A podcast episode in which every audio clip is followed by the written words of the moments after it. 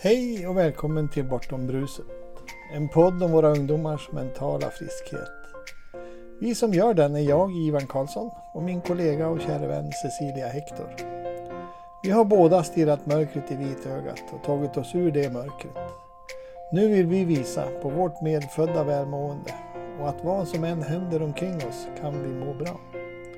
Att det är okej okay att inte vara okej. Okay. Att det bortom bruset finns en piccoloflöjt. Välkommen och tack för att ni lyssnar. Hej och välkomna till Bortom bruset. Eh, episod eh, 23 är det idag. Och idag så eh, tänkte jag intervjua Ivan Karlsson. Åh du! Eh. Ska du få svar på dina frågor. Hej Cecilia! Hej Ivan, hej! Idag, idag ska vi gå på djupet med vem, som, vem Ivan Karlsson är. Mm. Oh, ja. Järnspikad. jag tänkte jag skulle intervjua dig lite. Ja. Att, äh, det är ju ändå så att vi har ju någon sorts äh, mörker äh, mörker historia som har lett oss in i att vi har gått så här mm. och fördjupat oss själva med eh, hur det hänger ihop, hela det mentala systemet inom oss. Och eh, jag tänker att eh, det startade ju någonstans, eh, den här oron eh, startar ju någonstans eh, hos dig. Mm. Och frågan är när, när du börjar känna den när det startade liksom för dig? Hur gammal var du då? Kan du minnas det, när det började kännas? Alltså, jag hade ju egentligen ett major breakdown 2006. Vad var jag då? 53. Eh, där jag utav min närmaste chef på jobbet blev etiketterad som arrogant i mitt jobb som säljare. Eh, till saken hör att jag tyckte själv att jag gjorde bra ifrån mig. Eh, vid den tidpunkten så sålde jag luftvärmepumpar genom att knacka dörr. Jag har knackat dörr en stor del av mitt liv. Sålt eh, uppslagsverk och årsböcker och ja, mycket på knacka dörr. Eh, och det har fungerat. Jag har ju levt på det så att säga. När det gällde de här luftvärmepumparna, så de tekniker som sen installerade det där, de, de sa, de funderar ofta, Ivan, var hittar du kunderna någonstans? De är så förbaskat trevliga. De bistår med mat och kaffe och ja, de är trevliga helt enkelt. Så den här, den här kommentaren av min närmsta chef, den förstod jag nog inte riktigt. Jag tog den till mig. Och två dagar senare så öppnade sig eh, avgrunden runt omkring mig. Jag bara lämnade in väskan och slutade. Jag fick dörrskräck. Jag kunde inte knacka på en dörr till. Det var stort svart mörker. Ville inte finnas med. Ville inte. Så det blev två veckor under trappen som man säger. Jag, ja, jag kröp under täcket och sov i två veckor. Ehm, där visade sig väl min då visdom har jag senare lärt mig. Ehm, och pekade mot en arbetsförmedlare som jag hade i princip fått jobbet igenom. Och som jag då hade fått förtroende för. Så jag ringde honom och sa att nu får du hjälpa mig. Det här är avgrunden är nära. Och det gjorde han. Kom, sa han bara. Så pratade vi. Och jag åkte. Jag bodde i Sundsvall vid den här tiden. Och vi pratade. Och efter ett tag så sken det till i hans ögon. Och då sa, nu vet jag vad jag ska göra med dig. Då hade de ett samarbete med en eh, konsultfirma i Sundsvall som hade ett program som hette Från ord till handling. Där jag då tillsammans med andra skulle lära mig att skriva CV och prata för mig själv. Återfå min självkänsla och självförtroende. En kurs som var på tio tillfällen, tio veckor. I den kursen så ingick det också att vi skulle bli coachade av kursledaren då, en gång i veckan. Den kursledaren är min hjältinna, Jenny Sandin. Tack. Hon väckte mig igen då och återbördade mig till livet kan vi säga. Hon coachade utifrån eh, någonting som jag inte visste vad det var då som heter neurolingvistisk programmering, NLP. Som är en jättestor teknikmetod. Det är jättemånga som jobbar med den. De flesta i världen känner till Tony Robbins. Han är väl number one när det gäller NLP. Sen har han utvecklat den till en egen variant av det också. Men eh, han är ju så big så det är inte sant. Jag började då googla på det hela och hittade väl kanske den som är bäst i Sverige. Kjell Enhager. Ehm, och jag blev då intresserad av att lära mig NLP.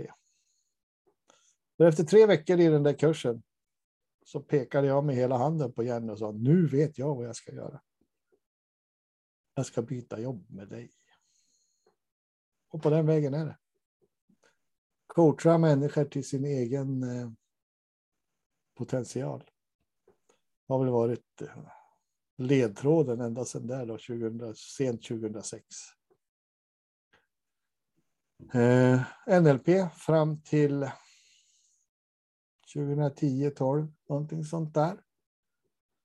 Eh, ungefär 2007 började jag lyssna och följa Michael Neal. Han var också då på den tiden kanske bland de fem bästa inom, inom NLP. Samarbetade med den man som hade utvecklat NLP. Var master trainer och höll kurser och utbildningar över hela världen.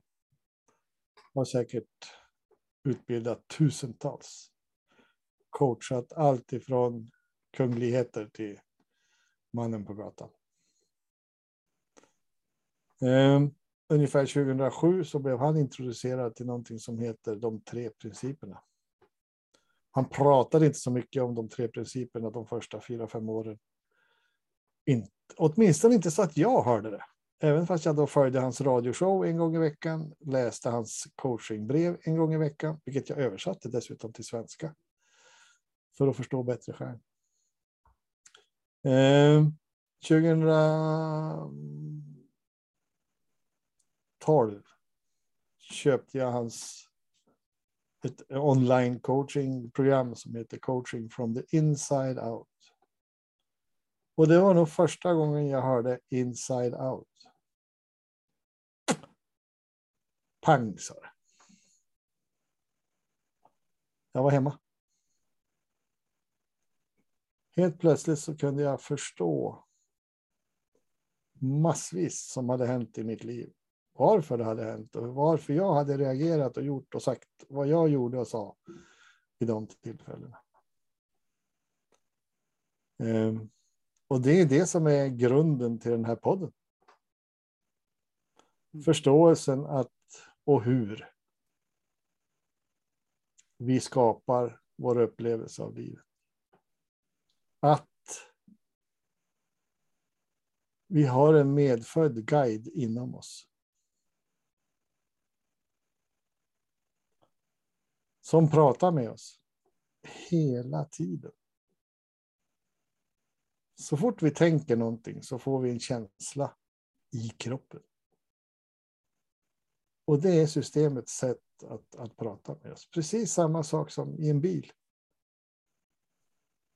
Vi har en instrumentbräda med hur många varningslampor som helst. Och när det händer någonting i bilen så finns det ett system, ett operativsystem faktiskt. I många bilar så är det faktiskt iOS, det som Apple har tagit fram. I andra bilar kan det vara, eh, vad heter det nu, det andra? Eh, ja. Spelar ingen roll. Det finns ett operativsystem i bilen, precis som det finns ett operativsystem i oss, med varningslampor. Så när oljelampan börjar lysa, då vet vi vad vi ska göra. Det är bara att slå av. Men annars kan det hända eh, massiv krasch i motorn. Det skär. Det blir dyrt. Och egentligen är det samma sak med vårt mentala varningssystem. Men vi har ju aldrig blivit informerade. Att vi faktiskt har det här systemet. Så vi nobbar. Nej, det där. Bort. Det gäller inte mig. Och så går vi på pumpen. Om och om igen. Det kan bli hjärtinfarkter och det ena med det tredje. Eller det som kallas då psykisk ohälsa. Det jag och Cecilia kallar mental friskhet. För det finns ingenting annat än mental friskhet i oss levande varelser. Och sen har vi då de här tre principerna. Den, de gåvor som vi fick när vi föddes. Livet. Livsenergin. Ett medvetande. Utan medvetande, vad vore vi då? Mm, nej. Och så den här kreativa kraften, att vi tänker. Som via medvetandet skapar vår verklighet. Var och en vår egen verklighet. Så det finns ju liksom ingen anledning att slå någon annan på huvudet för deras verklighet och tala om att min är bättre än din. Mm -mm. Glöm det. Sluta genast. Jag tänker inte samma tankar som du och du tänker inte samma tankar som mig. Men det finns ju ingen anledning att någon ska slå sig för bröstet och vara bättre. Vi är lika visa allihop. Vi är födda med samma visdom. Del av samma visdom. Men Ivan? Jajamän. Jag är lite intresserad av att höra hur, hur det har sett ut för dig i livet eh, för Ivan. Ja, för, eh, för att någonstans... På, väg, på, vägen där, då, ungefär 2010. Eh, då visste jag ju inte, kanske, jag visste inte att det var principerna som, som spelade ut. Så kom jag på att min pappa, som jag då 2010 hade varit förbannad på i 30 år. Och de 30 åren hade han ju varit död. Så vad spelar det för roll? Men jag hade varit förbannad på honom.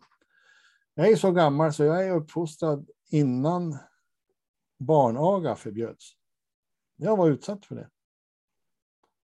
Eh, plocka riset själv när jag inte skötte mig eller eh, pappa tog livremmen.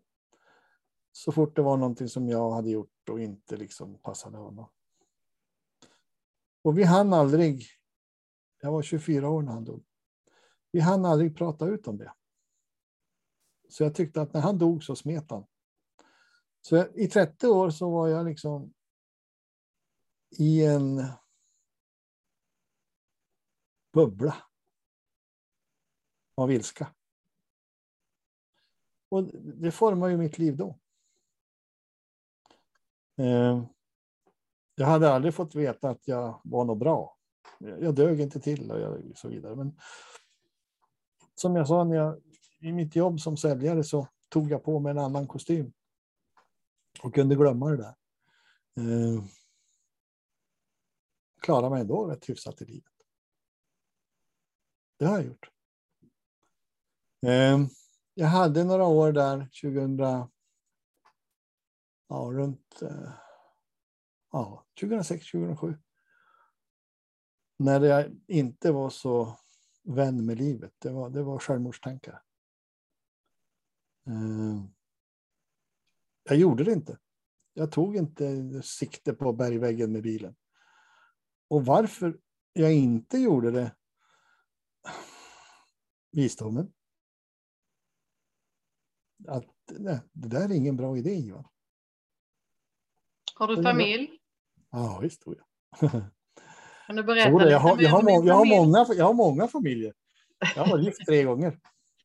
Ja. Så jag, är Hur var svår, det då? jag är svår att leva med. Jo, då, jag har fem barn utifrån de tre familjerna. Det är två mammor. Tre barn med den första frun och två barn med den andra frun. Eh, De bor i Norrland. Jag bor i södern. Skåne. Eh, Jag har sex barnbarn som är bara så underbart. Eh, På vilket, sätt, på vilket sätt kan du beskriva varför du var svår att leva med? Ja. Vad tror du Det, berodde det, är ju min tanke. Jag har inga liksom, bevis för det. Egentligen annat än att jag misslyckades tre gånger. Eller ja, det blev skilsmässa. Var du arg? Eller vad, vad, vad, vad var det som hände? Ja. Gräset grönare på andra sidan staketet. Eh, alkoholism. Eh, hos min partner. Eh, svartsjuka hos min partner. Och med alkoholismen så, jag var, jag var ju medberoende där. Absolut. Eh, och efter fyra, fem år av ett, ja, kamp då för att på något vis komma på rätt sida så gav jag upp och drog mig ur. Jag sa bara, nej, nu får det räcka. Och så skilde vi oss. Eh, sked, eh, eh svartsjukan, det är ungefär samma sak. Ett antal år med kamp för att ändå få vara med i uppfostran av mina barn. Jag fick inte vara med. Eh, och efter då kamp i några år så, nej, det här är meningslöst. Jag avslutar. Så jag sa, nu skiljer vi oss. Det här går inte. Eh, en relation, där ska vi gå bred- bredvid varandra. Ingen före och ingen efter. Vi ska hålla varandra i handen bredvid varandra. Eh, det är min djupa övertygelse idag. Att ingen är bättre än den andra. Eh, men tillsammans så finns det ingenting som kan stoppa. Nada. Och vi är kärlek. I grund och botten så är vi människor kärlek. Tar vi bort alla våra otäcka känslor eh, så återstår egentligen bara en känsla och det är kärlek. Villkorslös kärlek. Det är den enda känsla i min, min bok som jag inte behöver göra någonting för att känna. Eh, som jag sa, plockar jag bort alla ilskna, ångest, oro. Till exempel sitter vi vid stranden och lyssnar på vågorna. Här i Skåne finns det gott om stränder. Då ramlar allting bort och då är det enbart kärlek kvar. Enbart. Det är vår natur. Vi vill hjälpa till, vi människor. Ta hand om, försvara de som står oss nära. Ja. Mm. Eh, så det, där är jag idag. Villkorslös kärlek. Faktiskt. Och jag kan se den här villkorslösa kärleken i de jag möter. I dig också, Cecilia. Det är... Livet är så jävla enkelt idag. Ursäkta svordomen. Jag är från Norrland. Som Lars Ekborg sa. Jag bits och det står jag för. Men det innebär inte att du inte blir arg eller eh, Nej, ledsen? nej, nej, nej, nej. Bara för att jag känner till det här så betyder inte det att jag är skottsäker. Alltså, våra tankar, det går med ljusets hastighet. Och vem hinner med då? Eh, jag reagerar fortfarande, absolut. Grejen är att jag inte är kvar så länge i den där känslan av ilska. Eller eh, ja, vilken känsla som helst. Obehaglig känsla. Utan det, det går över. ganska fort. Mycket fort skulle jag påstå. Eh, och jag kan se det goda istället.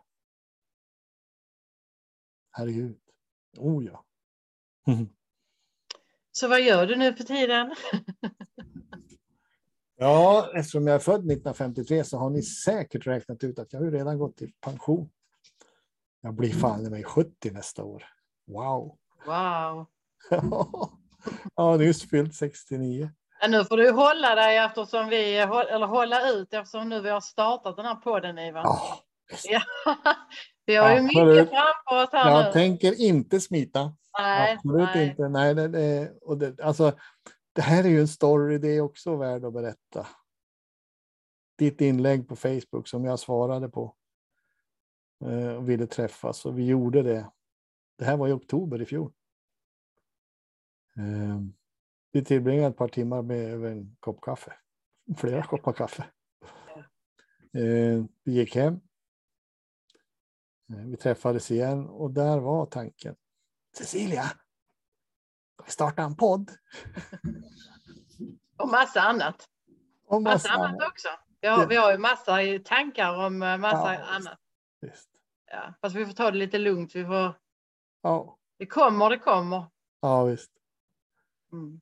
Eh, och det jag brinner för, det är våra ungdomar. Mm. Jag, jag har, en, jag har varit medlem i en grupp biker som heter eh, Drivers Against Child Abuse. Ursprunget är eh, Bikers Against Child Abuse i USA. Den är över 20 år gammal den organisationen. Men 2017 fick vi pris på Svenska hjältargalan som årets medmänniska. 50 bikers satt på åskådarplats på Cirkus i Stockholm. Snacka om eh, intryck. Jag grät i två timmar där. Faktiskt, alltså alla de kidsen som var med där och berättade sin historia. Det var wow. Ja. Eh, jag har eh, ett engagemang i, i, eh, skärmorslinjen. eh, för det är alldeles för många ungdomar som väljer att ta livet av sig. Och mycket vill jag påstå för att vi vuxna vill eh, sätta en etikett på dem som problem eller trasiga. När det inte finns en endaste trasig unge. Det finns ungar som tänker, precis som vi tänker. Eh, de tänker att de är trasiga och så tror de på den tanken. Men det är aldrig mer än en tanke. För inne i dem så finns det en diamant. Och den kan aldrig förstöras. Diamanter kan aldrig förstöras. Så är det bara. Och när en unge får höra att han är ett problembarn eller trasig eller aldrig kommer att bli bra. Ja, tänk själv. Nej, ungar, alltså det finns inga trasiga ungar. Det finns ungar som tänker. Det är allt. Så enkelt är det. Och sen, har du, sen är du personlig assistent. Och sen är du, jobbar du på Heartfelt Presence som är ett Zoom-rum eh, i är det USA. Ja, det ja, det är en, Motsvarande Ja, självmordslinjen egentligen. Man kan gå in Ja. och eh, prata över via Zoom. ja, det är en amerikansk psykolog och psykiatriker som har startat det Mm. i rummet. Och det var ju då pandemin. För att i USA, det, var- alltså det blev många människor som isolerade sig själva. Eh, och när man är isolerad så blir det lätt destruktiva tankar också. Så hon insåg ett, ett behov där. Så för, ja, kan det vara två år sedan ungefär, så startade hon det här. Heartfelt Present 24-7. Alltså vi är väl nästan 300 coacher som bemannar varenda timme. Nästan alla timmar är bemannade. Dygnet runt, veckan runt, året runt. Så man kan säga Ivan att du lägger ju faktiskt en stor del av din vakna tid på att eh, vara med ditt hjärta. Eller Ja, hur? ja, det gör jag. Med dig själv och med andra människor. Mm. För att eh, visa på, på. Var, var det goda finns. Ja. Och, eh, det Peka finns väl inget det- bättre än det. Peka på det medfödda välmåendet. Så. Ja. Men också peka med hjärtat. Ja. Eller inte peka utan vara med hjärtat. ja. Vara med andra människor med hjärtat och, och inte liksom eh, Ja. döma ut utan eh, det finns alltid en, eh, en, en väg. En, eh, alla människor har alltid en chans att eh, Ja. göra om. Ja. Eh, kreativiteten är ändlös, bottenlös hos varenda människa. Eh, och så går vi i vägen själva då med, med våra egna tankar. Ja. Att, att vi inte duger till någonting. Ja. Och vi gör ju det här helt ideellt, eller hur? All, allting vi har gjort hittills har ju faktiskt varit eh, för att vi eh, verkligen bryr oss att peka människor i en annan riktning än vad som eh, Ja, så samhället. erbjuds där ute. Mm. Därför att det här är så hoppfullt när man väl börjar inse Mm. att vi eh, är som vi ska. Jajamän. Så är det. Så det känns inte lika mörkt längre som det gjorde. Nej, jag brukar säga att jag lever livet 2.0 just nu. Eh, planen är att jag ska ha ett rave-party när jag fyller 100. Så härmed bjuder jag in er allihop. Men jag tänker inte organisera, det får ni göra. Ja, du är ute och kör motorcykel ju. ja, Lite häftig. ja, visst. Eh, Det var någon som sa igår, du är ju en stenhård biker, det syns Ja, på det. Riktigt häftig där ute på motorvägen. Ja. Motorvägarna. ja, jag åker hellre de små vägarna. Faktiskt. Mm. Det är roligare när det är lite krokigt. Mm. Ja, visst. Jo, så är det. Mm.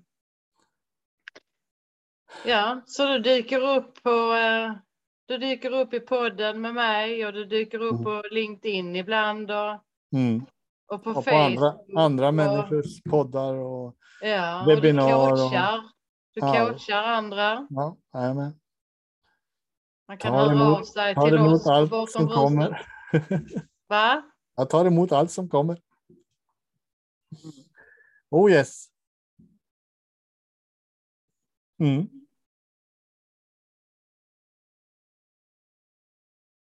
Så är det. Mm. Har ni några frågor ni där ute så hör gärna av er. Eh. Ska försöka svara efter bästa förmåga. Mm. Men det var fint Ivan att få höra lite om, eh, Mm. om din För bakgrund. att du ställde så bra frågor.